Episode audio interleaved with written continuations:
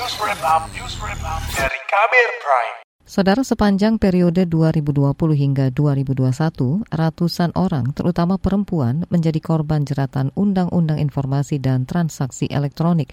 Sebagian besar adalah korban kekerasan berbasis gender online. Atas dasar itu muncul desakan agar revisi Undang-Undang ITE lebih mengedepankan pasal-pasal yang melindungi perempuan.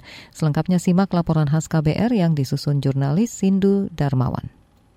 Beberapa pasal di Undang-Undang Informasi dan Transaksi Elektronik UU ITE dianggap bermasalah dan banyak perempuan yang diadukan dengan pasal tersebut, seperti pasal 27 ayat 3 tentang pencemaran dan penghinaan.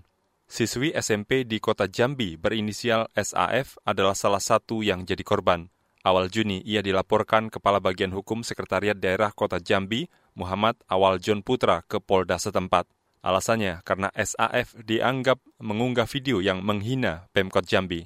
LSM Pemerhati Hukum ICJR menilai Polda Jambi belum memahami penerapan UU ITE. Peneliti ICJR Johanna Purba mengatakan, seharusnya kepolisian tidak menindaklanjuti proses hukum terhadap laporan pencemaran nama baik SAF. Ia menegaskan, SAF sebagai masyarakat sipil berhak mengkritik pemerintah pasal pencemaran nama baik ini kan uh, titik beratnya itu bukan di perasaan korbannya ya, tapi harus bisa dibuktikan bahwa uh, apakah yang dituduhkan itu kemudian adalah suatu kebenaran. Sementara kan kita juga harus melihat bahwa apa yang disampaikan oleh SFA ini terlepas dari misalnya ada kata-kata yang dianggap keterlaluan begitu oleh pelapor merupakan suatu kritikan ya atau uh, suatu uh, begitu yang dia sendiri dan keluarganya, keluarga neneknya begitu sudah alami selama uh, bertahun-tahun. Usai dikritik berbagai kalangan, Pemkot Jambi mencabut laporan tersebut. Salah satu alasan pencabutan adalah SAF sudah minta maaf. Kasus SAF adalah salah satu perkara terkait Undang-Undang ITE yang terjadi pada perempuan. Catatan dari Lembaga Bantuan Hukum LBH Asosiasi Perempuan Indonesia untuk Keadilan LBH APIK sepanjang 2020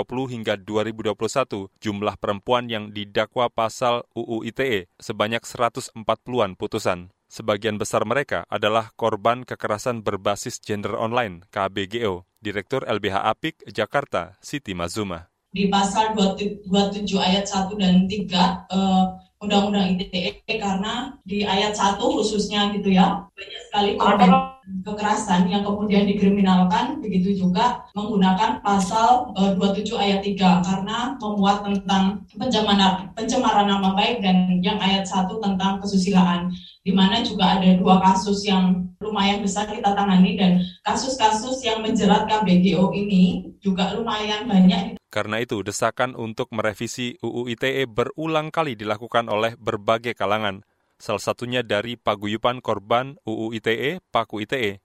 Revisi terutama dilakukan terhadap pasal-pasal yang mengancam perempuan.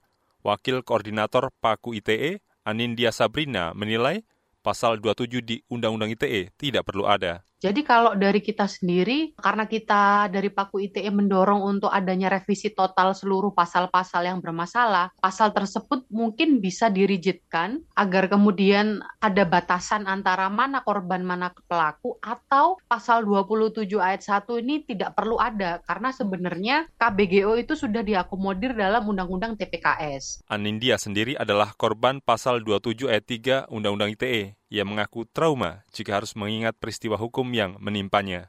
Jujur, saya nggak ingat detail ya karena ada trauma tersendiri gitu ya. Anindya menambahkan, berdasarkan catatan Paku ITE, banyak kasus menggantung dan terkesan semacam pola, terutama terjadi kepada para aktivis dengan tujuan menyandera. Sampai sampai ini dari tahun 2018, statusnya itu dari lidik sudah diangkat menjadi sidik ya. Saya sudah diperiksa mungkin sekitar 8-9 kali kalau saya nggak salah. Tapi sampai sekarang juga uh, nggak ada kelanjutan, nggak ada SP, SP3 pun tidak ada dari polisi gitu. Jadi menggantung. Dan memang ini pola ya. Menurut Anindya, perempuan korban kekerasan berbasis gender online, KBGO, menjadi korban dua kali. Kalau teman-teman perempuan sih memang uh, khususnya yang korban kekerasan seksual itu karena undang-undang ITE dia dia mereka menjadi korban dua kali gitu loh. Sudah hmm. kasusnya sendiri, kasus kekerasan seksualnya sendiri tidak terselesaikan, eh tiba-tiba mereka seolah-olah mereka adalah penjahatnya. Sementara itu, menurut manajer kampanye Amnesty International Indonesia, Nurina Safitri, tak hanya pasal 27 yang bermasalah, tetapi banyak pasal di UU ITE yang menuai polemik. Di antaranya pasal 26 itu kemudian bisa dijadikan landasan untuk pemutusan bukan pemutusan akses tapi kayak pencabutan konten. Kemudian ada pasal 27 ayat 1. Kemudian ada pasal 28, kemudian ada pasal 29. Saat ini, revisi Undang-Undang ITE tengah berjalan di parlemen.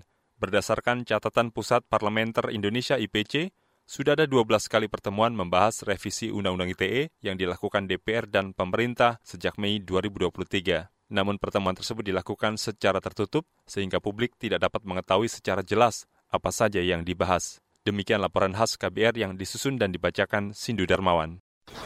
Kamu baru saja mendengarkan news wrap up dari KBR Prime. Dengarkan terus kbrprime.id, podcast for curious mind.